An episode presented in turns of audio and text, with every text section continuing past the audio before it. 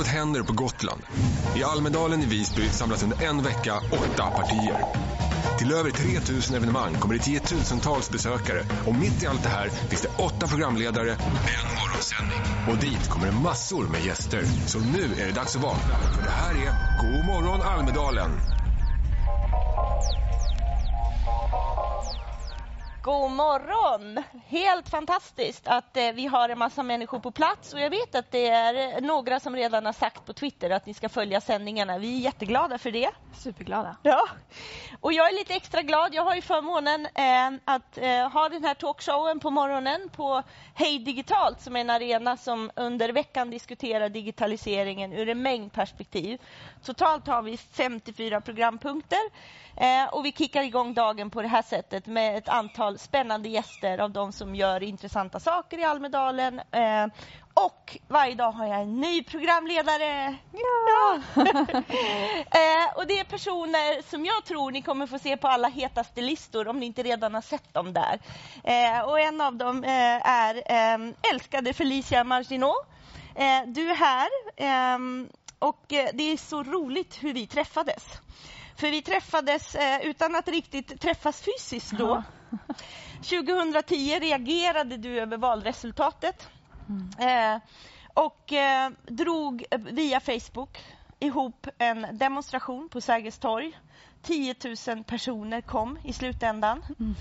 Jag var redan då en sån digital expert som tidningarna ringer till. Så medan du eh, fick svara på frågor om varför du gjorde det här och ordnade hela den här manifestationen så fick jag från sidan kommentera det du gjorde. Ja.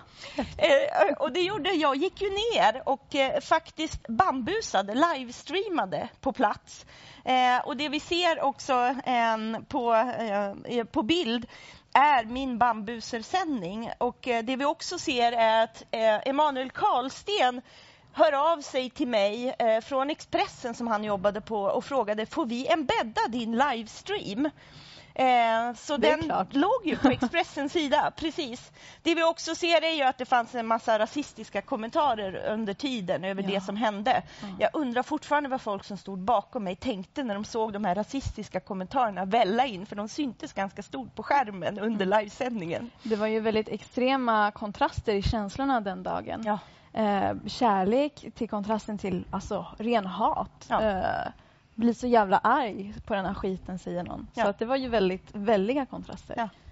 Berätta hur liksom den, den dagen för dig ja. och ditt initiativ. Den dagen ändrade ju mitt liv totalt. Eh, det som är värt att påpeka var ju att jag var 17 då. Eh, och som halvsvensk och halvrumänsk så blev det en ännu känsligare punkt att se att Sverigedemokraterna kom in och den här känslan av att inte få vara med och påverka någonting mm. för att man inte är tillräckligt gammal är väldigt eh, jobbig känsla. Och jag tror alla ungdomar känner så idag. Kanske vi vuxna också, att vi inte är för unga ibland. Mm. Eh, men så vad jag gjorde var att jag tog ett initiativ till att göra någonting. Att inte bara skriva en Facebook-uppdatering. Och väldigt många på mitt Facebook-flöde skrev ju att de skämdes för att vara svenskar. Och att de kände att nu är det liksom kört. Och jag ville inte göra det för att jag, jag anser mig vara en positiv människa. Så um, rent spontant så drog jag ihop det här eventet på Facebook och skrev hej, kom och möt mig imorgon på Sergels torg för att visa att vi tror på ett bättre Sverige. Mm. Att kärleken är starkare än hatet. Mm. Och jag tänkte väl att 200 pers skulle komma. Det är så många personer jag känner som jag kan samla. Eh, men det kom 10 000 personer inom några timmar, inte ens 24 timmar. Och det fick ju mig att förstå min kraft som ungdom, som människa.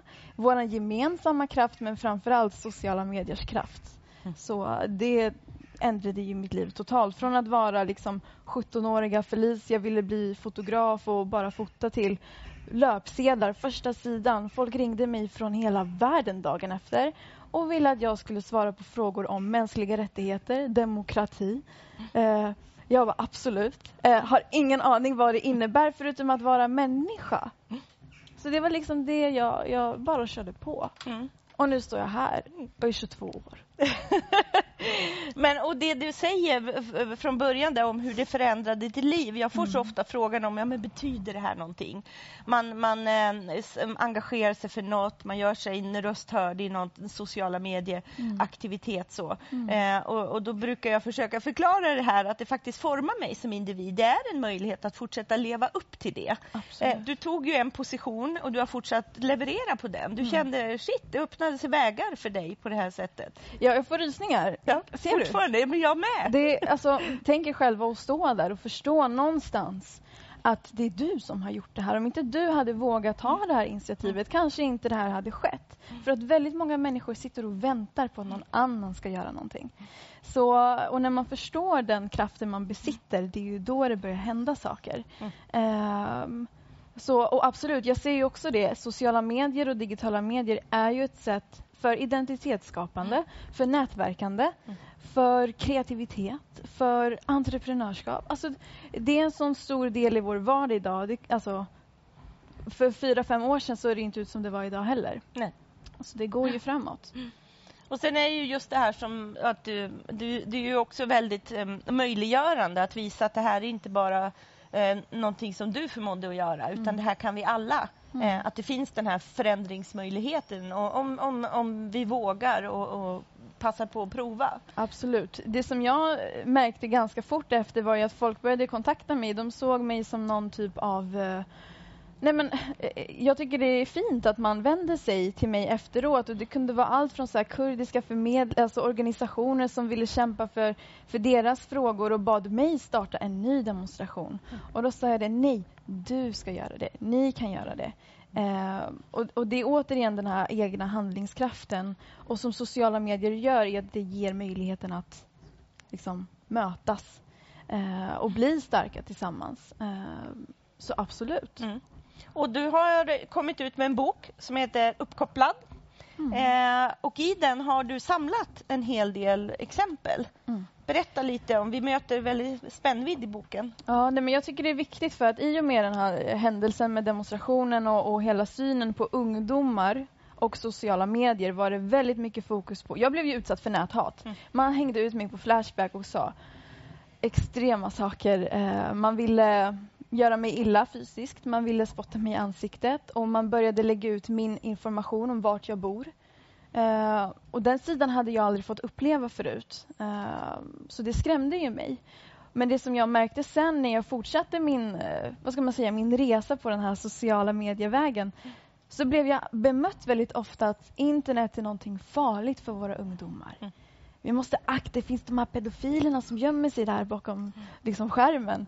Eh, och jag kände inte att det stämde heller. Så för ungefär ett och ett halvt år sedan då tänkte jag att återigen, vad kan jag göra för att ändra den här negativa bilden? Från ingenstans tänkte jag, jag ska skriva en bok. Jag har aldrig skrivit en bok förut, jag vet inte hur man gör. Men eh, jag skrev den här boken och det är, som den säger, en guide till sociala mediers möjligheter. Eh, jag tror det är extremt viktigt att vi idag eh, lyfter upp de möjligheter som finns, som vi pratar om, identitetsskapande, nätverkande, för våra unga och barn. För att pratar man bara om näthat, nätmobbning, psykisk ohälsa, då är det det som Alltså, det blir ju en, eh, en sanning till slut om man inte får någon annan alternativ. Mm. Så den här boken är en inspirationsbok och en biografi. Man får följa mig från att jag är en liten flicka till idag. Hur eh, sociala medier har varit en del av mitt liv, men också många andras liv. Eh, vi har Hugo till exempel. Ja. Alltså, jag älskar Hugo. Unga, 12 år var han då. Ja. ja. Nej, 11. 11, ja. just det. Mm. Eh, som jag kallar för Instagramkungen. Eh, han berättar hur han eh, ja, använder Instagram i familjen och i skolan. Eh, vi får träffa sociala entreprenörer, vi får träffa föräldrar, vi får träffa elever. Eh, blandade människor som på något sätt har använt sociala medier till något positivt. Eh, så för mig finns det inte liksom bara svart eller bara vitt utan jag tror det är viktigt att visa båda sidorna så man själv kan få välja sen. Mm. Det här vill jag använda och det här visste jag inte att man kunde göra det med. Ja, och sådär. Så ja, en inspirationsbok med massa kärlek och ins ja, inspiration. Ja, få fler. Ja. Att, att, faktiskt, om man har en lust att förändra så kan man vara ganska övertygad om att det går att hitta andra som delar den bilden och den, den problem. Det var ju det du visade, det var 10 000 andra som kände precis som du. Mm. Eh, och då blev det verktyg för organisering och mobilisering. Ja. ja. Men du, Almedalen, har du någon relation till Almedalen? Eh, det här är mitt andra år i Almedalen. Jag var här förra året. Eh, det första jag tänkte på var wow, vart har jag kommit någonstans? Så mycket folk och så mycket seminarium. Var ska jag börja? Eh, jag tycker Almedalen är en fantastisk mötesplats. Eh, ännu roligare är att gå från det digitala till det fysiska mötet. Mm. Eh, jag kan nog garantera att nästan alla här fick informationen via eh, ja, någon sociala medier. Eh, så att jag gillar det här. Det går snabbt. Man, liksom, man kanske får det där mötet man annars inte skulle få. Och då, då gäller det ju att ligga på också. Så jag tycker det är skitkul. Återigen, se möjligheterna, ta möjligheterna, skapa det och liksom kör. Mm. Du, eh, du är också företagare själv. Ja. Ja. Gal, ja, galen tänkte jag säga. Eh, jag hoppade av till och med av skolan för att starta företag. Ja. Alltså jag pluggade ett år på gymnasiet, skulle bli modefotograf. Sen hände demonstrationen den här eh, höst, hösten efter första terminen. Och jag, jag var tvungen att stanna upp och fråga vem är jag? Uh, sen så är det en, en, annan historia med hela fotobranschen. Jag kunde inte stå upp för de uh, ideal och stereotyper och värderingar som finns i just modebranschen. Så jag hade en identitetskris. Liksom, vad fan ska jag göra? Uh, och Då tänkte jag men jag startar eget företag. Uh, som frilansfotograf blev det. Mm. Körde frilansfotografi i två år. Och Sen så gjorde jag om det. Så idag är jag ja, konsult, föreläsare, författare, entreprenör. Uh, och Jag tycker också det är så häftigt för att om inte det var för sociala medier hade jag aldrig någonsin funnit de egenskaperna hos mig. Uh, vad jag faktiskt kan. Uh, så vi får inte ta det för givet. Idag håller vi på med våra mobiler och vi fotar. Liksom. Nu, nu ska jag dricka det här glaset vatten, nu är vi här. Men liksom stanna upp och bara, vad, vad, vad ger det för någonting egentligen? Och vad kan jag bidra med i mitt eget liv och för alla andra? Men jag tror att det handlar om att definiera sig själv. Att oh, våga ja. formulera det för sig själv. Om du dessutom eh, distribuerar det till fler så blir det, det, det blir en, en, påverkanskraft där som, som maximerar den processen. Mm. Skynda på den. Men jag tänkte just som ung företagare så tror jag att det är alldeles perfekt att ta in dagens första gäst. Och Det är nämligen nytillträdde Günther Mårder som är VD för Företagarna. Välkommen upp! Tack så mycket. Vad roligt att få höra din berättelse. Ja. ja. En applåd till dig också. Ja, alltså ungt företagande, hör du vad självklart i ja. en sån här tuff frilansfotograf och ja, jag startar företag. Det är kanske inte den verklighet man möter hela tiden. Nej, den, här, den här typen av berättelser är tyvärr alltför ovanlig. Jag skulle vilja ha ännu mer av det. Att mm. vi ser fler unga som vågar inspireras och tro på sig själva. Mm. Eh, och göra det där steget att gå från att tänka att någon, någon, annan ska ordna ett arbete åt mig till att säga att jag kan reda mig själv, jag har självförtroendet, modet att våga mm. bli företagare. Eh, vi, vi, kommer att behöva fler som gör den resan. Och, och ser vi idag så, så är det faktiskt så att mer än fyra av fem jobb skapas av de små företagen. Mm. Och vill vi då ha en jobbtillväxt, då är det bland småföretagen vi ska fundera över. Hur skapar vi förutsättningar för att fler ska kunna göra den här resan? Vad krävs av skolan? Vad krävs av även arbetslivet efteråt för att folk som befinner sig i kanske stora strukturer där man inte kommer till sin rätt får möjlighet att faktiskt ta ett steg åt sidan, kanske förverkliga en idé, göra någonting annorlunda jämfört med hur man gör i det stora företaget. Mm. Hur gjorde du i din process, Felicia? Ja, jag kommer att tänka på det. Du är från Sollentuna. Ja. Jag också. Nämen. Alltså, jag bor där nu också. Jag och det är du också. Jag och jag tänkte så här, Sollentuna. uh, alltså, jag ville till och med starta företag när jag var 17. Jag var ju sån här konstig mm. tjej. Uh, på ett bra sätt. Uh, och jag fick nej från kommunen. Alltså de nekade mig att starta företag. Jag till och med skrev ett brev med min mamma. Hon signade. Jag fick inte. De tog inte ens in mig på ett möte. Vad, och då tänker jag så här, liksom, vems ansvar är det i att uppmuntra och vad kan man liksom öppna vägarna? Kommuner, vad skulle de kunna göra bättre för att liksom, kanske fånga de här krafterna som finns och jag tror att det finns massor. Och just den berättelsen har jag faktiskt hört Mm. från en annan person som, som blev utnämnd till årets affärskreatör på, på Handelshögskolan. Eh, när hon var, jag tror att det var 16 år, så startade hon ett städföretag. Eh, men sen så insåg de att det här var konstigt, för det startades i föräldrarnas namn. Man måste vara myndig för att Ja. kunna skriva under papperna, ta ansvaret som det innebär att vara vara företagare. Men sen var ju hon den enda personen som drev och då blev hon inkallad på intervju hos kommunen eh, för att diskutera om det här egentligen var barnarbete. Eh, och hon var 16 år i det läget. Är det dina föräldrar som har tvingat dig till det här? Och hon ville bygga ett städföretag. För hon älskar att städa. Eh, och någonstans så måste vi börja i varje individ och fundera över hur ska vi få ut maximalt med driv och engagemang från den här människan och försöka riva de strukturer som idag kanske hindrar en, en människa oavsett om man är 17 eller, eller 18. Ska det spela någon, någon större roll? Hur hittar vi formerna för att kunna få ut kreativiteten? Sen måste man ha respekt för för hur liksom, lagar och ordning ser ut. Men, men jag tror att det finns mycket faktiskt som vi kan göra för att underlätta ett engagemang. Hur ser ert arbete ut eh, just riktat mot eh, de unga potentiella företagarna? Ni har en hel del med er här i Almedalen. Ja, det har vi. Vi har gjort en, en särskild satsning för unga som vi kallar Unga nätverket. Och det vi har insett från, från företagarnas sida, där är ju, om vi tittar på snittmedlemmen relativt sett, eh, ja, det är uppe på 55 år, 56 år, där är snittmedlemmen. Så det är en väldigt erfaren grupp av företagare. Men då måste vi också hitta ett sätt att få unga människor som precis har startat sitt företag att vilja komma in och också inspireras och ta lärdom från de som har varit inne och varit företagare under lång tid. Så då har vi startat något som heter Unga nätverket och då försöker vi lyssna på vad är det de vill göra, hur vill de skapa sitt medlemskap? Och då är det de som också får vara med och skapa och även så att säga leverera medlemsinnehållet. Så nu den här veckan så har vi bara möjliggjort strukturen. Vi har ordnat ett hus åt 15 stycken unga entreprenörer. Sen för vi dem samman och då händer häftiga saker. Och det vi har gjort är att vi har valt ut vilka ska få möjlighet att följa med. För det blir ett stort tryck och många vill, vill följa med på en sån här sak. Men för att skapa så mycket dynamik som möjligt så letar vi efter olika typer av människor som vi tror skulle kunna inspirera varandra till att göra helt andra saker. Och sen befinner de sig här ute i, i vimlet och rör sig på seminarier. Och naturligtvis så påverkar de i en positiv riktning för oss. För de pratar entreprenörskap, de pratar företagande för unga. Och det där är ju frågor som blir mycket mer trovärdiga om de kommer från verkligheten istället för att jag står som en anställd tjänsteman och liksom företräder för organisationen och berättar vad, vad företagare egentligen vill. Så det, det är en, där kan man visa att man kan jobba både med att, att skapa en, en häftig arena, ge förutsättningar för unga att, att växa genom att mötas, men också att vi får ett stort värde i form av att de förmedlar sin bild.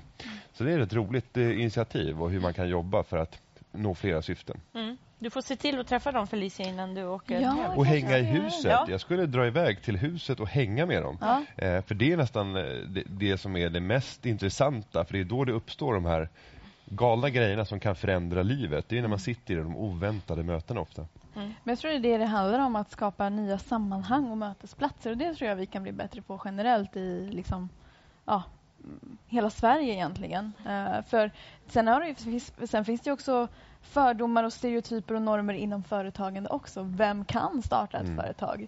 Ska jag Eh, erkänna en sak? Ja. Jag är över 50 år. Jag vågade inte starta eget företag förrän för ett år sedan. Och då har jag liksom ett hyfsat starkt varumärke, väldigt etablerad. Men det här med att starta eget företag kändes som en gigantiskt steg att ta själv. Jag har haft företag tillsammans med andra tidigare.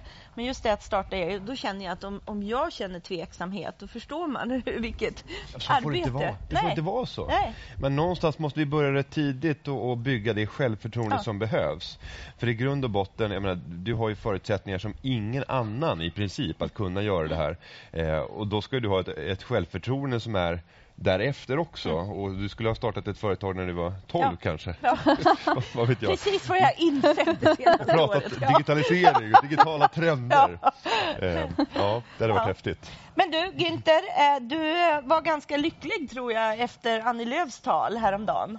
Ja, det var, det var roligt. Eh, Annie Lööf presenterade ju ett eh, förslag om att eh, ta bort arbetsgivaravgiften till upp till 15 000 kronor i månaden för de första som man anställer under en begränsad tid, två år.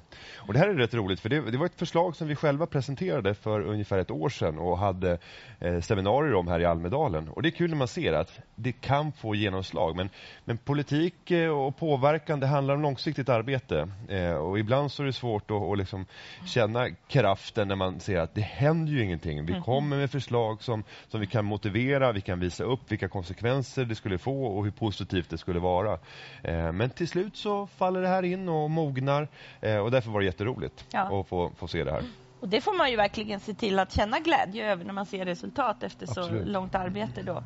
Har du några förhoppningar för de eh, kommande partiledar, partiledartalen vi har framför oss?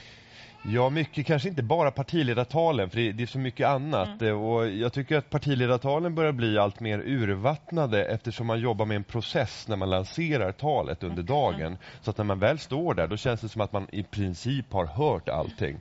För att man har, har först haft en, ett öppet seminarium, sen har man haft en fördjupande presskonferens och sen så har några, eh, om det var Stefan Löfven igår, så, så är det några av ministrarna som kommer ut och ger detaljerad information i ärendet. Så att när vi väl sitter och lyssnar på talet så är det rätt få överraskningar. Eh, så därför tycker jag det är intressant med det här sammanhanget att följa alla de här utspelen, få höra reflektionerna på, på gatan, på seminarier. Eh, det är det som är, är det mest spännande. Det som jag hoppas att vi ska få igång en, större diskussion kring och som vi från företagarna kommer kämpa för, det är integrationsfrågan. Mm. För jag ser att det, det är vår tids största utmaning. Om vi inte vågar diskutera den här frågan och också diskuterar jobbskapande. Hur får vi in alla som kommer till Sverige i arbete? Eh, då riskerar vi att få liksom, ett en otroligt tydligt utanförskap. Och det är en grupp som kommer vara långt mycket större än den som fanns när vi faktiskt började prata om utanförskap i början på 2000-talet. Så vi kommer att ha ett seminarium helt som handlar om hur kan företagare vara med och hjälpa till i integrationsarbetet och, och fundera över vilka möjligheter som finns. Jag skulle vilja ta en sak och det är export. I Sverige har vi mängder av företag men som bara säljer i Sverige. Att börja analysera vilka andra personer skulle, skulle man kunna liksom stärka det här företaget med som har kunskaper, kontakter, nätverk i andra delar av världen för att sedan testa om den här färdiga produkten eller tjänsten går att sälja på export. Mm.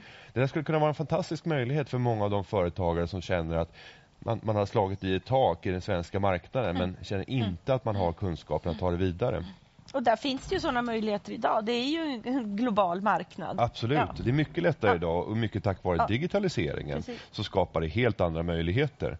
Så att det, eh, det, här är en fråga som jag hoppas att politikerna faktiskt tar till sig och släpper den här liksom, prestigen som idag finns eh, och rädslan för att ta i frågan. Eh, och man tänker, vilka risker kan det få? Kan det se ut som att vi går i ledman med, med Socialdemokraterna vi ska diskutera integration? Nej, om ni inte gör det, då kan jag garantera att man kommer att stärka de som faktiskt talar om det och då sätter agendan fullständigt. Mm. Eh, och då blir det en helt felaktig debatt. Mm. Det blir fokus på helt fel frågor. Det är en stor potential att Sverige växer befolkningsmässigt. Det är häftigt, för det ger förutsättningar för ett starkare land framåt. Tittar vi många andra västländer i Europa, deras befolkning den stagnerar. Den står i princip still. I vissa länder så, så faller den. Och där är det svårt att eh, känna framtidstro när man förstår att de demografiska utmaningarna, vi blir allt äldre och allt fler äldre ska försörjas av allt färre yngre. Det är en ekvation som inte går ihop och i Sverige så ser det annorlunda ut. Men då måste vi utnyttja potentialen. Mm. Men eh, om vi tänker ett år fram och du skulle se resultatet av det påverkansarbete ni gör nu. Eh, vad, vad, finns det för något som skulle kunna stödja den här processen? Vad finns det för politiska beslut eller vad är det som behövs? Om vi tittar just på integrationsfrågan så, så ser jag ett projekt som företagarna genomfört eh, tillsammans med Arbetsförmedlingen. Mm. Vi tycker att Arbetsförmedlingen har fungerat rätt dåligt historiskt. Man har handläggare som sitter och väntar på sitt eh, kontor och väntar på att folk ska komma in och söka sitt jobb och företag ska komma in och säga när de har jobb. Mm. Så vi vände på, på modellen och sa att ut och träffa företagare. Så handläggaren fick sätta sig i en bil och åka ut till de som drev företagen och sätta sig ner runt fikabordet och försöka lära känna den verksamhet som personen drev. Och också ställa frågor kring hur så kom, kommer behovet se ut framåt. För att också kartlägga vilken typ av kompetenser skulle du kunna vara bekänt av. Mm. Och på så sätt så har Arbetsförmedlingen lyckats förmedla långt mycket fler jobb än man någonsin har gjort i sin gamla modell. Eh, och där så, när vi avslutade projektet nu i juni så, så konstaterade Arbetsförmedlingen att det här vill vi satsa stort på. Eh, och att det var ett bra initiativ som man satsade en kvarts miljard på det testprojekt som vi ursprungligen lanserade med dem. Och jag tror att det här, den här typen av projekt kan också göras inom integrationen och fundera över hur skulle vi kunna få nya växande svenska exportföretag om vi hade personer som åkte ut till företagen för att utvärdera, vad är det du säljer? Mm. Och vilka människor vet jag finns här som skulle kunna vara med och bidra och hjälpa till med matchningen? För det är ofta matchningen som är den stora utmaningen. Där skulle vi också kunna jobba digitalt. Och, och ja, tagit... det känns som att det behövs en digital kompetensutveckling ja, och, och kanske kopplat till jag det. Jag har pratat på många seminarier här om, om potentialen om vi skulle börja titta lite grann hur, eh, hur hela datingvärlden fungerar mm. digitalt. Men det handlar om en ännu svårare matchning. Här är två människor som ska, som ska bli ett. Fantastisk jämförelse. Ja, menar, här ska vi matcha en människa med en, en, en, organisation eller ett företag. Det är en betydligt lättare process. Och, och därför borde vi utnyttja den tekniken. Men, men den sektorn eller branschen, om vi ska tala om det på det sättet, de ligger långt före jobbförmedling och jobbmatchningsbranschen. Så att, eh, jag tycker att Arbetsförmedlingen och, och, många av de privata initiativ som finns ska titta ditåt och försöka utveckla nya typer av tjänster digitalt som gör att vi snabbare kan få till stånd matchningen. Arbetsförmedlingen, Tinder, Företagarna. Ja, och det finns faktiskt exempel. Om ni går in på Tinder så, så finns faktiskt Telge Energi som första aktör eh, som, som söker intressanta människor. Någon tanke Felicia? Ja, man såg typ snurra. Ja, jag tänkte så här, för jag, också tänkt, jag, jag har tänkt jättemycket på den här datingvärlden, liksom, eh, digitala datingvärlden och, och jag, jag bara reflekterar det du säger. Du nämner så här självförtroende och, och eh, jag tror det krävs väldigt mycket självförtroende från företag och, och organisationer att våga skapa jobben, att våga hitta den där nya matchningen. Att våga, för vi har ju ett väldigt stort intresse att hitta vår partner idag. Vi vill inte vara ensamma.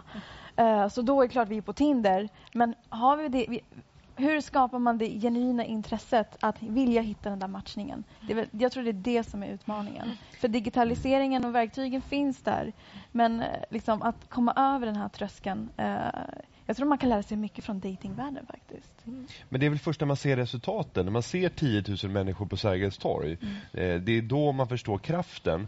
Och du kan ju tänka dig företaget då som plötsligt har sålt sin första produkt på en exportmarknad och säger att wow, det här funkade. Det blir en story och då kommer man gå till andra företagare och berätta, det här gjorde jag. Mm. Och då får du spridningseffekterna. Sen kanske man skriver en bok och berättar om möjligheterna med att eh, ta in människor från olika kulturer för att kunna sälja mina varor eller tjänster på en global marknad. Eh, så att någonstans så handlar det bara om att stimulera för att eh, människor och företag ska kunna upptäcka det här själva. För kraften är mycket större i det än i olika typer av politiska beslut. Eller, mm. det, det, det, är inte den vägen det går, utan allt måste komma ur ett engagemang. Sen kan man underlätta för marknaden att komma dit. Mm. Vi tackar dig så mycket för att du kom hit. Har du något så här, dagens tips från Günther? Ja, dagens tips, eh, eftersom vi befinner oss i Almedalen, mm. eh, och det här begagnar jag väldigt dåligt själv, det är att se till att ha egen fri tid och bara cirkulera omkring, att hovra i, runt om i Almedalen mm. för att träffa intressanta människor. Då uppstår det häftiga saker. Mm. Gå och hänga i det här huset. Ja, det ska ja, typ. ja. Eh, och jag kommer att ha tid med det onsdag, torsdag och fredag. Men, men idag blir det åtta seminarier. Ja, men så vad är nästa seminarium för din del? Ja, nu är det fyra seminarier som vi arrangerar själva. Mm. Det första handlar om integrationen ja. eh, och hur vi företagare ska kunna komma igång med det. Nästa handlar om eh, regelkrångel för företagare. Hur ska vi riva mm. alla de hinder som, som dämpar entreprenörskapet? Och så kommer vi prata finansiering och så kommer vi prata hållbart företagande. Och det är, ingen, det är ingen slump att vi arrangerar just de här fyra seminarierna. Det är våra huvudseminarier här i Almedalen. Utan det är de viktiga frågorna i det stora samhällsbygget som entreprenörer just nu skapar. Och det är där vi ser att vi har den stora potentialen när det gäller jobben. Och alla vill ju ha jobb. Så egentligen så borde alla bara gå runt och krama oss. Mm. Kände jag. krama mig. Jaha, jag ger jobb. Mm. Ja. Vi tackar dig Günther. Innan du går så kan vi väl kika vad som hände under natten natten. Vi ska få se ett eh, videoklipp som ger en bild av vad som har hänt under natten.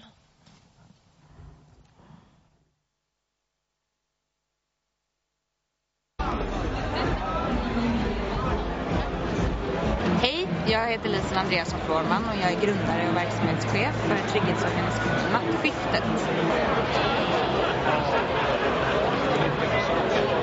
Nattskiftet är på plats första gången i Almedalen och vi kommer direkt ifrån Bråvalla festival.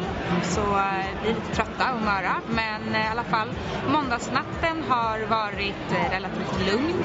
Vi har följt en del till sina hotell, till vänner, hjälpt dem att ladda sina mobiler och ja, hitta vänner helt enkelt. Men den har varit relativt lugn och det är en bra och god stämning. Vi hoppas att resten av veckan fortsätter så. Idag tisdag klockan 13 kommer vi hålla ett seminarium på Strandgatan 35 där vi tar tempen på civilkuraget och pratar om trygghet. Kom jättegärna förbi. Ja, där fick vi en bild av eh, vad, hur nattskiftet arbetar. Eh, vi kommer få se eh, de inslagen under hela veckan. Och under tiden har vi fått sällskap av två nya gäster. Eh, välkomna Andreas Kristensson från Telenor eh, och Katarina Gospic, hjärnforskare och läkare. Mm. Eh, eh, Telenor är ju en av de parter som har möjliggjort Hej digitalt. Ni har faktiskt en lounge här nere där man kan komma förbi under hela veckan.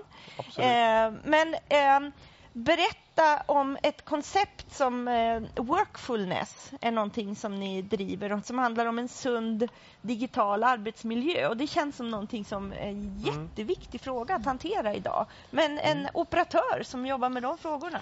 Ja, men det, det, är superintressant att diskutera ämnet för att digitaliseringen har ju skapat otroliga förutsättningar. Mm. Eh, jag läste igår att eh, när, när Instagram såldes för en miljard US-dollar och då hade de förmedlat lite drygt en miljard foton. De var 15 anställda. Mm.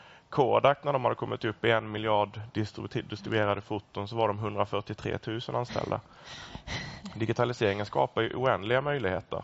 Inte minst för småföretag och liksom möjligheten att växa. Eh, men det skapar också utmaningar. Eh, och Det har vi märkt mycket när vi pratar med våra företagskunder och organisationer och, och även privatkunder att man söker det här sunda digitala förhållningssättet.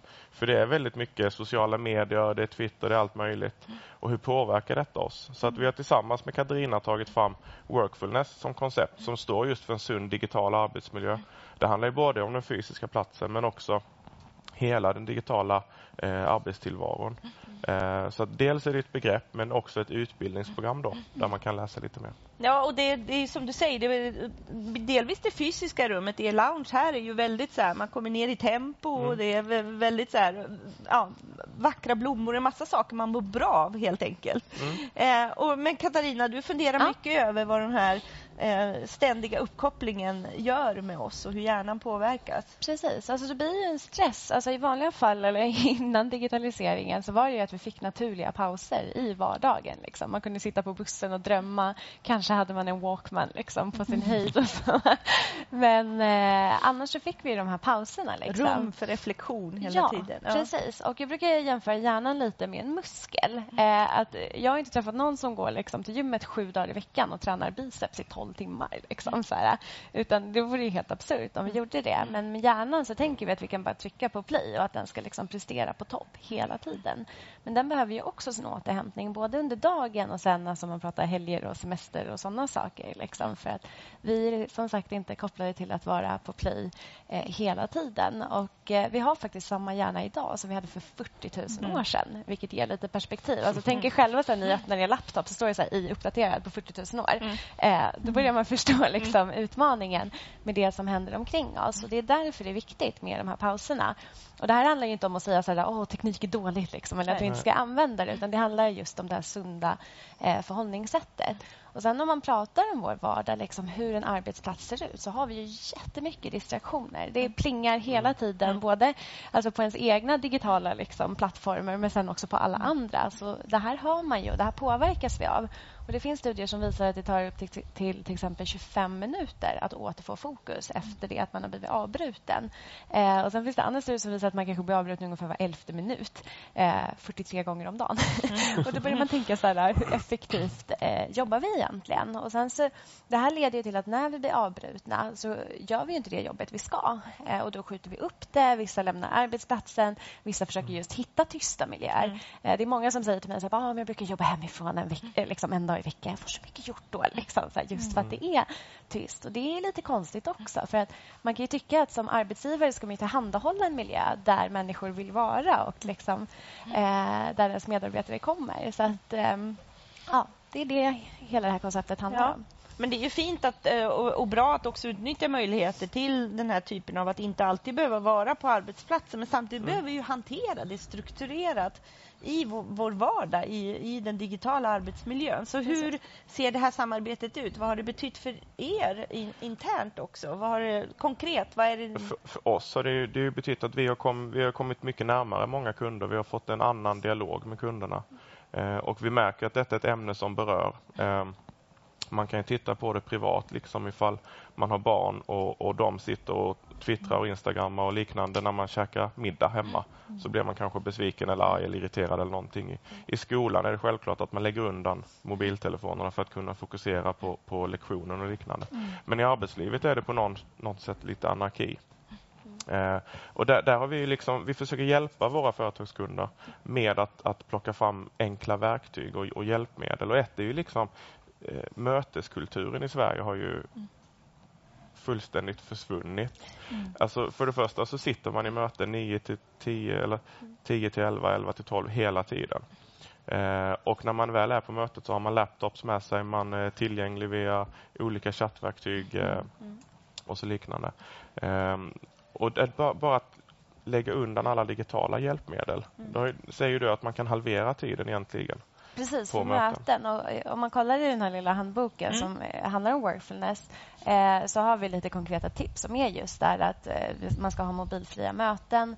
Eh, man ska börja diskutera liksom, så här, vad förväntar vi oss av varandra. Om du skickar ett mejl, måste jag svara på studs eller är det okej? Okay? Liksom, kan vi börja prioritera det här eh, på olika sätt? Det kanske är okej okay om jag sparar dig om två dagar för det är inte jätte, jätteviktigt. Utan det kanske är viktigare att jag fokuserar på en annan liksom, eh, stor huvuduppgift. Så vi har listat liksom, sju enkla tips hur man mm. kan diskutera det här eh, och också implementera de här förändringarna. Och vi gjorde faktiskt en väldigt rolig pilotstudie mm. eh, med en mm. uppkopplad ja.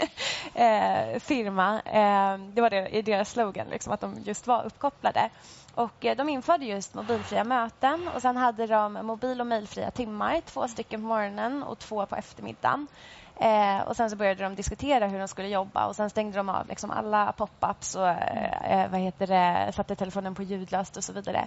Och Det var så kul när vi kom tillbaka efter tre veckor. För att De mm. sa då att första veckan så var ju folk så här, nej, och, liksom, ja. ja. ta inte min mobil. Alltså man får ju ja, precis. problem när man lägger bort det. Ja, men för att det var liksom så här, folk hade sin mobil så här och bara...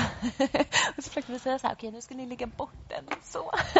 Sen bröt det alltså? Ja, men precis. Ja. Sen efter en vecka så började det gå bra. Och det som var så fantastiskt var att de sa så att de började fokusera på arbetsuppgifter som de kanske hade tänkt på under sex månader men liksom inte fått till för att man alltid sitter och svarar på de här mm. liksom, mejlen och mm. telefonsamtalen och sådär. Och eh, så sa de att de kom in mer i flow, det här ansträngningslös eh, uppmärksamhet. Mm. Eh, och att de kände sig mer kreativa just när man får den här sammansatta tiden att mm. faktiskt börja jobba. Och så sa de så här, först, eh, första veckan där så satt de lite så här, bara, ah, vad ska jag göra nu för någonting? Visste inte riktigt. Men sen var det så här, bara, ah, nu ska jag ta tag i de här stora grejerna. Och då började de jobba på sånt som är mer långsiktigt. Och det är ofta mm. de eh, uppgifterna som glöms bort lite när vi hela tiden har den här hetsen och alltid är eh, uppkopplade. Mm. Och Sen så sa de också att när de hade de här mobilfria mötena så kände de liksom hur det här sociala klistret blev starkare. Att helt plötsligt sitter mm. du faktiskt och lyssnar på mm. mig istället för att bara... Det är jättejobbigt att sitta bredvid någon som bara... Ah, Ja, men precis. Och det är lite som att om vi står och pratar här och så stod jag och pratade så här till er liksom, och ja, stod, liksom, då, då känns det ju automatiskt så här, det här är jättekonstigt. Men när det kommer till mobilen så har det liksom helt plötsligt blivit accepterat att ignorera människor. Men hur kommer uh, vår människohjärna se ut om 40 000 år? Då? Kommer vi vara här vi idag och vara så här? Eller det, är, det är en bra fråga. Det tar ju extremt lång tid för att få till de här förändringarna om man pratar om vad som ärvs till ens barn och så. Utan många av de förändringarna som sker är liksom, hur ska jag säga, lokalt. Alltså på samma sätt som att om du pratar tre språk eh, så kommer inte det tyvärr föras vidare till dina Nej. barn. Och på samma sätt är det med med det här. Mm. Men eh, ja, eh, vi är liksom inte just nu i alla fall kopplade för eh, heller att multitaska om man börjar prata om det. Liksom. För det som händer i hjärnan är att vi hoppar mellan olika uppgifter. Mm. och det är extremt mm. uttröttande också. Man pratar om att vi sitter och pratar så sitter vi i ett möte och du ska säga någonting och jag ska lyssna på vad du säger samtidigt så sitter jag och tittar mm. i mobilen. Liksom. Då går det hjärnkraft till alla de här uppgifterna. Mm. Och då, jag brukar säga att man har 100% hjärnkraft. Och om jag ska liksom fokusera lite på dig, lite på dig, lite på dig, lite på min mobil så kan man tänka sig så att om 10 liksom, eh, går till mm. respektive uppgift då kanske jag bara 50% kvar helt plötsligt till min huvuduppgift. Och det är klart att jag inte kommer prestera på topp i jämförelse med om jag stänger av och liksom stänger ute alla de här instruktionerna, distraktionerna och sen fokuserar på det jag mm. ska göra. Liksom. Jag tror det, det viktiga är att skapa en debatt på företagen och även ja. privat. Eh, att, att belysa frågorna. För att eh, oftast så pratar man om arbetsmiljö och då pratar man fysisk arbetsmiljö och mm. aktivitetsbaserade miljö och så vidare. Men man måste väva in den digitala aspekten i det. Man, I vissa lägen kanske man ska kunna jobba hemifrån. Det finns ju idag liksom med digitaliseringen hur många möjligheter mm. som helst att, att jobba remote och liknande. Men, men jag tror det viktiga är att man, man, man lyfter frågan. Det handlar inte om att man ska använda mobilen mindre. Vi kommer använda den ännu mer. Det är liksom vår fjärrkontroll till hela vårt liv. Det är där vi kolla status i huset och prata med bilen i framtiden och, mm. och allt annat. Mm. men, men, men lite sådär att man, man ska koppla upp men man måste våga koppla ner och ja. koppla av. Mm. Eh, och, och, Det tror jag är jättesvårt för oss för att vi så fort det kommer en ny digital tjänst oavsett om det är en datingapp mm. eller en uh, Snapchat eller whatever så är alla på den liksom och vi har mm. inget vettigt förhållningssätt till att Nej. begränsa det på något sätt. Och det, skapa debatten där. Det... Det jag tror det är många som i arbetslivet pratar om stress och utbrändhet och allting sånt. Mm. Alltså man måste börja titta på vad är det som skapar dessa problemen på företagen. Ett ledarskap tror, behövs ju ja, kring de här frågorna. Absolut. Tror, och det, det, har vi pratat om mycket. Mm. Alltså det är superviktigt att management på företagen ja, inser verkligen. detta. För det räcker mm. inte att medarbetarna inser att det är ett problem utan de måste göra detta till en ledningsfråga. Mm. Och det är ett stort problem för att många unga medarbetare de ju, vill ju leverera bra på, mm. på ett jobb. Mm. Eh, och då är det, ju väl, det är en väldigt stor skillnad. Man behöver ju reflektera över sina egna privata sociala eh, ja. medieanvändning. Men när man kliver in på jobb jobbet. Att ta med det sociala beteendet i digitala plattformar är inte alls säkert mm. att du behöver ha på jobbet. Men har du inte ett tydligt ledarskap så kanske du tror att du behöver svara på den här kundtjänstfrågan mm. klockan Precis. ett på natten. Mm. Alltså det finns ju uh, uh, unga som blir utbrända ja. av den resan. Att, att, inte få guidning i ja. Mm. så här förhåller vi oss till ja. de här plattformarna Men det var det som var så kul också med det här pilotföretaget. För att de sa också att de tog med det här tänket just i privatlivet. Så det, det, var en medarbetare som berättade så att hon hade sagt till sin partner då att eh, mobiltelefonen absolut inte fick komma in i stängkammaren. Liksom. Och när de åt middag så eh, fick de lägga bort mobilen. Och hon hade faktiskt gått ut och köpt en klockradio också. för, ja, att, liksom, kunna Ja, vakna. då måste jag ju tipsa om ja. Björn Hedensjös bok om sömn. Ja som verkligen mm. också, um, det är en av dem, uh, att inte ha det här blåljuset precis innan precis. man går och lägger sig. Och också för att om jag hamnar i en Twitter-beef klockan 12 på natten så kommer mm. jag ju ligga och grubbla på den också. Ja. Mm. Att bestämma, uh, den, strukturera sitt eget förhållningssätt. Ja. För det finns och den här myten av snabbheten och att hela tiden precis. finnas där. Ja. Och, och, och, ofta på chefsnivå. Mm. Och Det är också ja, men, ett av våra ja. tips, liksom, mm. att prata om förväntan. Eh, för Telenor gjorde ju en undersökning tillsammans med Sifo där man just ställde den frågan. Så här, eh, vad förväntar du dig? Liksom? Ska mm. man svara snabbt? Och Då var det nio av tio som kände att ah, jag måste svara eh, på studs. Och också om vi går till hjärnan så tycker jag att det är så viktigt att förstå att vi kan heller inte liksom, använda vårt sunda förnuft till eh, att klara av det här naturligt. just för att vi är liksom kopplade, två jätteviktiga principer för hjärnan det är att Eh, vi är kopplade för snabba belöningar. Och Det går att jämföra lite med en godisskål. Eh, att om vi har en stor godisskål här så tänker man så här, jag ska bara ta en för att det är så himla gott. Men tar man en godis då får man värsta belöningsduschen i hjärnan och så blir det så här, woho, liksom, det här är supergott. Och den här signalen uppmuntrar oss till att ta en till godis. Och Det är därför det är så svårt att bara äta en godis. Och På samma sätt är det med våra mobiltelefoner. Att Om vi får ett sms till exempel, då får vi precis samma belöningssignal i hjärnan som blir så här, yes, det är någon som gillar mig. Liksom. Och Det är det här som gör att man vill kolla på mobilen hela, hela tiden. Så det är lite mer att ta tillbaka kontrollen över sitt egna användande och inte kanske låta Uh, inte bara mobilen utan människorna som mm. finns där styra ens agenda under dagen. Ja, ja precis. Och förstå mobilen. hur lätt det är att falla. Liksom, ja. Och styra mobilen så att inte mobilen styr dig. Ja, alltså, mobilen är ett hjälpmedel för oss. Liksom. Vi ska inte låta den ta över. Nej. Utan vi måste själva ta tillbaka kontrollen lite grann. Ja. Men jag blir nyfiken. Vad skulle ni säga äh, om ni ska säga tre tips som ni själva har liksom tagit till er som ni vill ge till även om det är, om det är på arbetsplatsen eller hemma. Mm. Äh, men vad tar du med dig? Alltså det är absolut, alltså om man nu pratar om lågt hängande frukt så är ju digitalfria möten oavsett mm. om det är privata fester som kan fullständigt förstöras av allt instagrammande och twittrande. Liksom ingen vid middagsbordet pratar med varandra. Eller om det är på företaget. Så digitalfria möten i, i olika perspektiv. Mm. Eh, sen väcka debatten också. Titta på när Alltså en jätterolig övning som vi gjort vid några tillfällen är ju att man, man, man ska skriva alfabetet. A till Ö. Och så skriver du det och så gör du det på en viss tid. Om du sen kombinerar det med en sak till, som att lägga till siffror, så att du gör två saker samtidigt. Gör det testet och se liksom hur bra det går. Eh, så att våga fokusera, det tror jag är jätteviktigt. Och sen diskutera. I familjen, på skolan, i, arbets alltså i arbetslivet. Eh, det tror jag. Mm. Och, eh, ja, jag är beredd att hålla med. Jag tycker det är bra tips. Och sen eh, just där att förstå att det inte är så lätt att bara att det sköter sig själv. Mm. Liksom. För att som sagt, vi kollar i snitt ungefär 150 gånger per dag eh, på en mobil. Liksom. 150? Ja, mm. Så det är och du har inte sunt förnuft. Jag känner bara att det här är ett tillfälle jag faktiskt behöver visa att jag har noll koll på det här. hashtag. Ja, hashtag. Kanske borde göra det nu. Eller hur? Men det är ju Almedalen trots allt om man ska vara uppkopplad. Fast det är ju bra. Jag tycker det är bra. Liksom, Almedalen är ju också väldigt, väldigt såklart mycket mer digitaliserad och eh, att ta den här pausen och, och liksom... Absolut.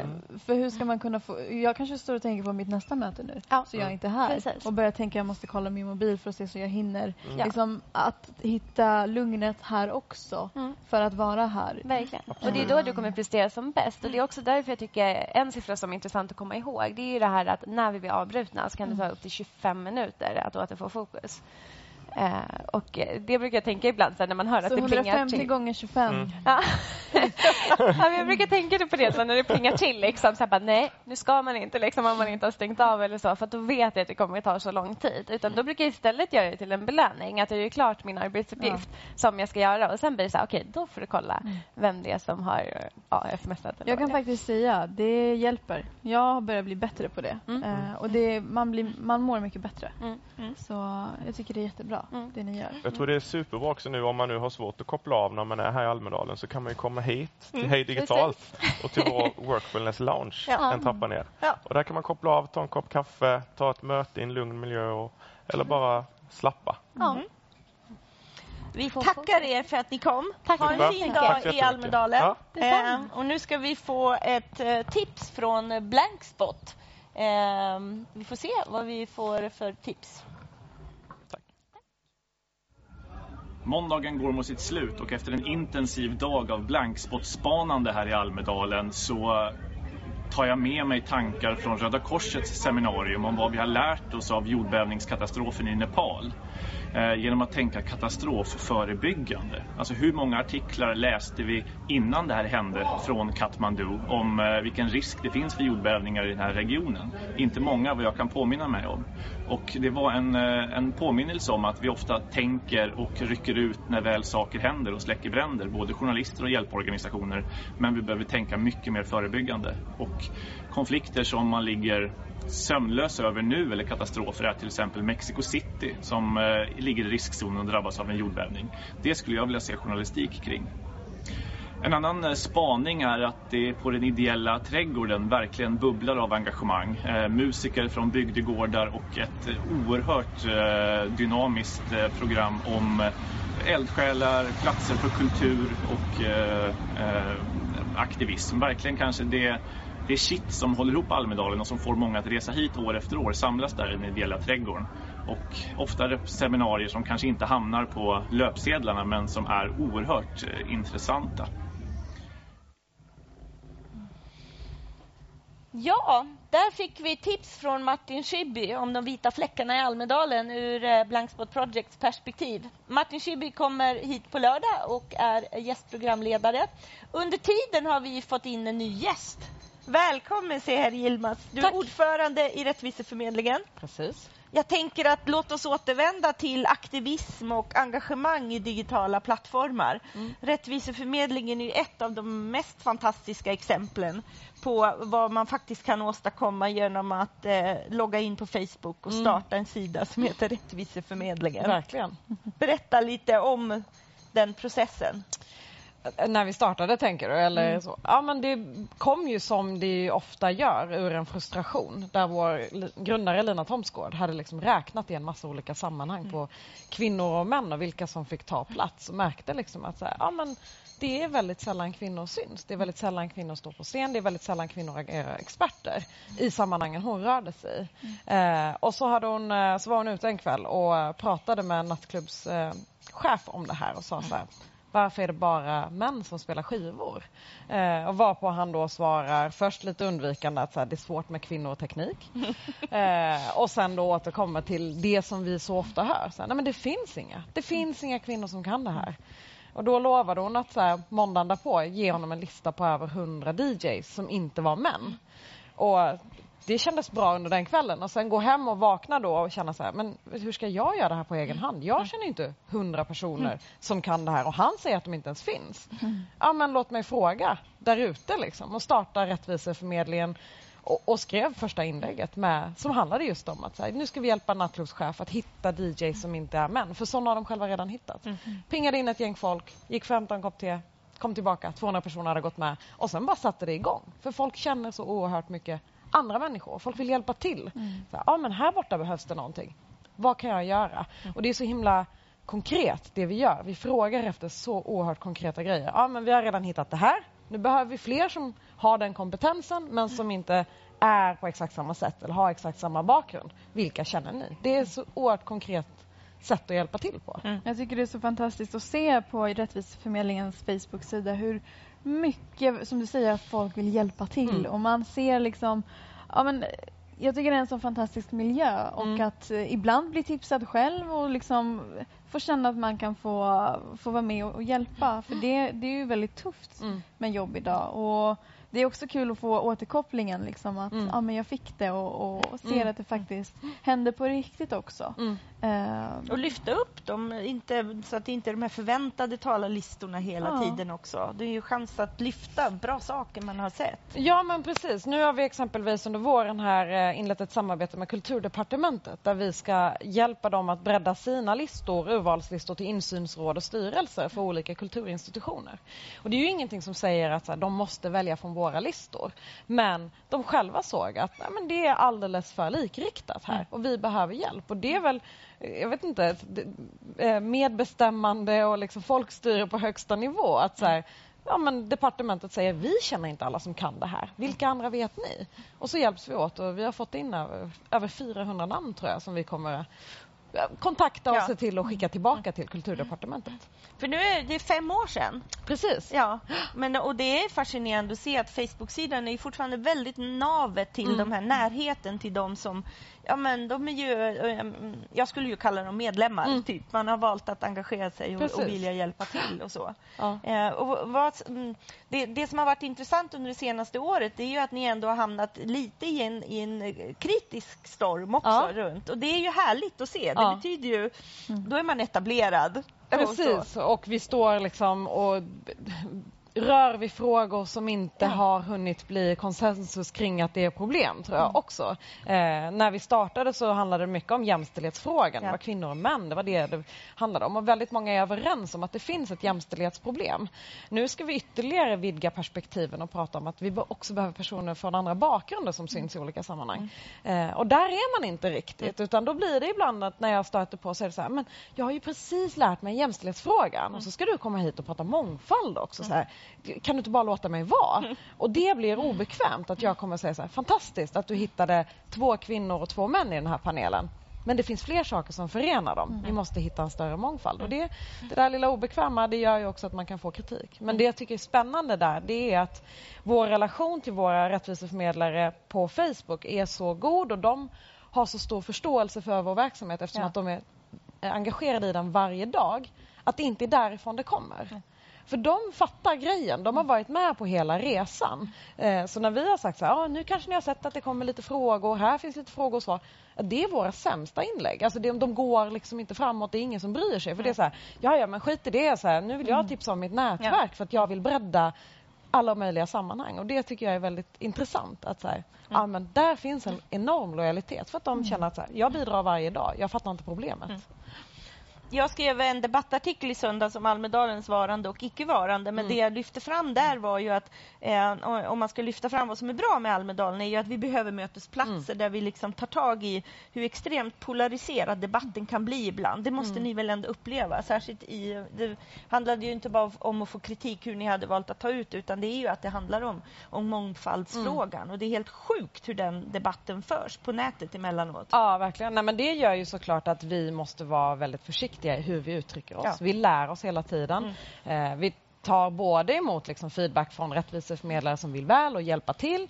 Men det är klart att här, varje gång vi lägger ut något så behöver vi fundera över vad kan kritiken tänkas bli här? Och kritik som kanske inte alltid är eh, enligt mig befogad utan personer som menar att här, det vi håller på med är helt galet, att bredda urvalslistor. För mig som är världens minst provocerande grej man kan göra. Liksom, att ja, men vi bara breddar vilka som har kompetens. Ja, Konstigt att man kan bli så här. Men, och det gör ju verkligen att vi behöver fundera för att debattklimatet på nätet är så oerhört upptrissat. Eh, och då inte på vår Facebook-sida utan ofta är det på Twitter där Ja. det också är så himla kort och det är så enkelt att bara trycka till någon. Eh, och det är jättefarligt och det tycker jag man ändå kan se lite på plats i Almedalen också. Att så här, ju hårdare debattklimatet blir, både eh, jag menar, här i Almedalen och på nätet, det gör ju att det bara är vissa röster som orkar driva på.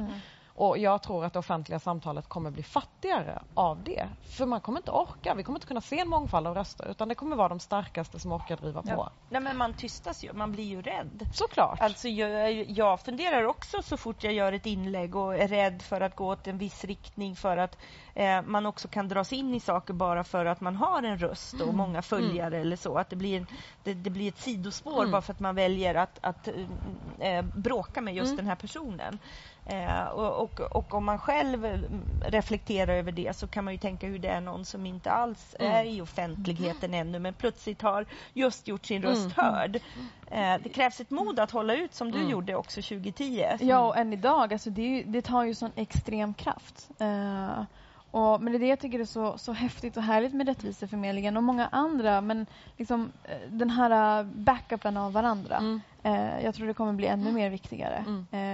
Och att det får fortsätta. Att, eh, för jag tror verkligen att, att Rättviseförmedlingen stärker väldigt många. Även om man kanske inte fick det där jobbet Mm. så fick man ändå en känsla av att någon Mm. såg mig eller ville att jag skulle komma dit på intervju i alla fall. Mm. Ehm, så, men eh, jag, jag tänker också hur man kan göra hela eh, miljön eh, mer öppnare för att Mm. våga debattera, våga prata. Mm, också med en förväntan av att inte allting behöver gå så himla snabbt. Eh, för problemet nu, det, men du nämnde att det tar mycket kraft och energi. Och framförallt tar det ju tid. Alltså, folk förväntar sig att ja, men nu har jag skrivit en lång harang till Rättviseförmedlingen om alla mina åsikter som inte stämmer överens. Och jag vill ha feedback direkt. Och när det stormar som mest, jag menar då hinner man inte göra sin kärnverksamhet. Utan då måste man så lägga all sin tid på att svara, väga sina ord på guldvåg, skriva debattartiklar som sprids runt på nätet. Eh, och, och det liksom tar all ens energi från ens riktiga uppdrag. Lite Eh, och det går att upp- workfulness. eh, Ja, men här, och det går, att upp, det går att sysselsätta en organisation man inte håller med om genom att hålla på och ligga på på nätet. För då kommer Ja. de inte hinna göra sitt Nej. jobb utan då måste de sitta och svara istället. Eh, och det blir, det blir en frustrationsmoment också. Så här. Men om ni bara kunde sluta så kan vi visa på att det vi gör är inte så konstigt. Men nu måste vi istället liksom ägna all vår tid åt att svara på er. Eh, och det är inte särskilt konstruktivt. Men det har ni varit eh, generellt oerhört duktiga på att navigera runt. Mm. Jag upplever ju er som väldigt, väldigt konstruktiva i, i, i ert sätt att bemöta. Mm. Eh, och, och Det har varit jätte, jätteviktigt. Jag tror att det är en väldigt viktig framgångsfaktor. Varit väldigt tydliga eh, men, men också sett när det här blir fel arena att gå in på. Mm. Om vi går in så ska vi vara just väldigt konstruktiva och inte bidra mer till den här Nej. polariseringen. Nej, men och där har vi, jag menar, vi har ju lyxen eh, att ha så starka egna kanaler. Jag är imponerad över stora aktörer som, blir, som klarar av kriser i, i sociala medier som inte har starka egna kanaler utan som har liksom sin egen Facebook-sida med några tusen gillare som inte är så engagerade utan de klickade en gång och så fick de någon, liksom, någonting tillbaka och så hände ingenting mer.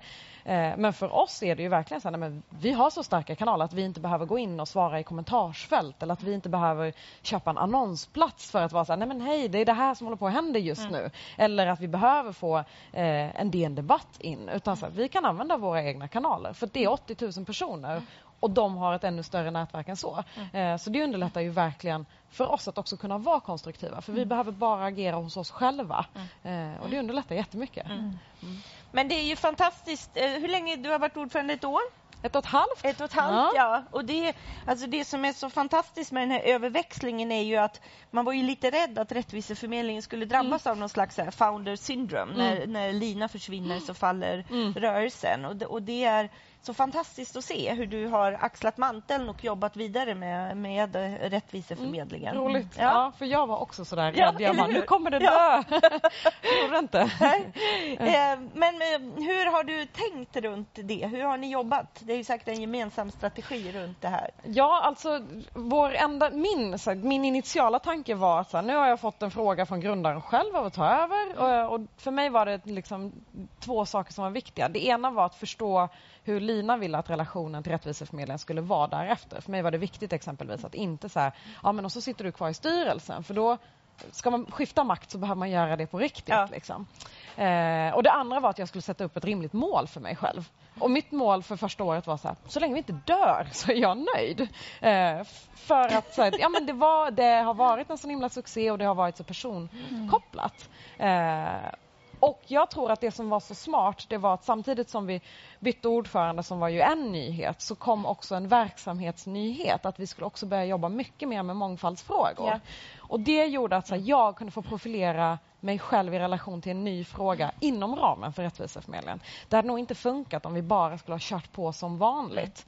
Eh, för då hade det varit så, nej men varför ska jag prata med dig om jämställdhetsfrågor enbart när jag har grundaren av Rättviseförmedlingen. Eh, så jag tror att det var den kombinationen. Och som sagt, att inte ställa för höga krav på mig själv. Men jag tror att vi växte med 30 000 rättviseförmedlare under mitt första år. Så det, är liksom, ja, men det, det gick bra. Ja. Ja. Men Almedalen, vad är Mm. det viktigaste du gör här under veckan, känner du själv? det viktigaste jag gör här. Jag tycker att, eh, att vara liksom lite obekväm i massa olika sammanhang. Jag tycker att så här, de här mötena man... Bra ingång. Ja, liksom. ja, men så här, det, jag kommer inte säga någonting som är superoväntat i något av mina panelsamtal eh, som jag medverkar i. Däremot är det i mötet att lyfta frågan om att, ja, men att vissa inte får plats här i Almedalen, precis som du lyfte i din artikel. Eh, att prata om vikten av att vi fortsätter upprätthålla det här som en demokratisk mötesplats och att ställa frågan om så här, men vilka har ni valt bort för att E- välja in exakt. dem ni har valt hit. Eh, och det tror jag är jätteviktigt. Vad svarar eh, folk då? Liksom, haha, nej men... eh, Eller hur liksom? Nej, det man- är mycket så här, nej men det vi, liksom, vi tog de som vi hade eller liksom, oj det där borde jag ha tänkt på till nästa gång och, och lite så här, men vi har i alla fall en bra könsbalans och det är ju absolut Ja, ett okej. steg, så, Ja. så är det ju liksom. Ja, men det är inte hela. Nej, Nej. nej, så är det. Eh, mm. Ja, vi säger tack så hemskt mycket för att du kom hit. Lycka Tack. till med det fortsatta arbetet och vi bara älskar Rättviseförmedlingen. Ja. Tack. tack så hemskt mycket. Tack. Tack. Vi ska prata lite dagens tips. Ja. Eh, dagens tips, jag skulle säga, visst är det 30 juni idag, strandfesten. Mm. Eh, Vi har fått upp. Ah, ja, jag tänkte idag. Ja. Okej, men idag, gå till strandfesten. Ja. Men på fredag vill jag att ni ska komma till eh, ett vackrare Almedalen. Ja, det här var ditt absoluta eh, Almedalstips generellt. Ja. Mm. Det är det som du vill. Och idag skulle du, vad var det? Strandfesten? Strandfesten, eh, jag vet inte exakt vart det är men eh, Fryshuset håller eh, årets strandfest så det kommer vara grill och sol och strand och en workfulness på stranden Ja, efter eh, Almedalsstressen. Ja. Det är min första dag, jag kommer ju i natt. Ja. Eh, så tänkte stranden blir bra. Ja. Eh, och jag vill förstås lyfta fram några Hej Digital-tips. Eh, eh, och då tipsar vi klockan ett om ett seminarium som handlar om cirkulär ekonomi, om vi har råd att vänta. Och det gör vi i samarbete med Veckans Affärer och NMC. Klockan ett var det. 15.45 ska vi få veta allt om content marketing, sant och falskt om content marketing. Detta begrepp som eh, är det bra, är det dåligt och vad betyder det ens? Eh, och det är en workshop som eh, Hej Digitalt gör tillsammans med Appelberg. Och klockan 18 så har vi Digitala stolen, pratar med, om digitala utmaningar. Det är Beata Wickbom som leder ett samtal med Hanna Stjärne från SVT. Det kommer bli sjukt spännande. Eh, och med det säger jag tack och hej Felicia! Ja, och vi- Fantastiskt att du Ja. var med. Tack för att jag fick vara med. Vi ses imorgon. Hej! Något händer på Gotland. I Almedalen i Visby samlas under en vecka åtta partier. Till över 3000 evenemang kommer det tiotusentals besökare och mitt i allt det här finns det åtta programledare och en morgonsändning. Och dit kommer det massor med gäster. Så nu är det dags att vakna, för det här är God morgon Almedalen!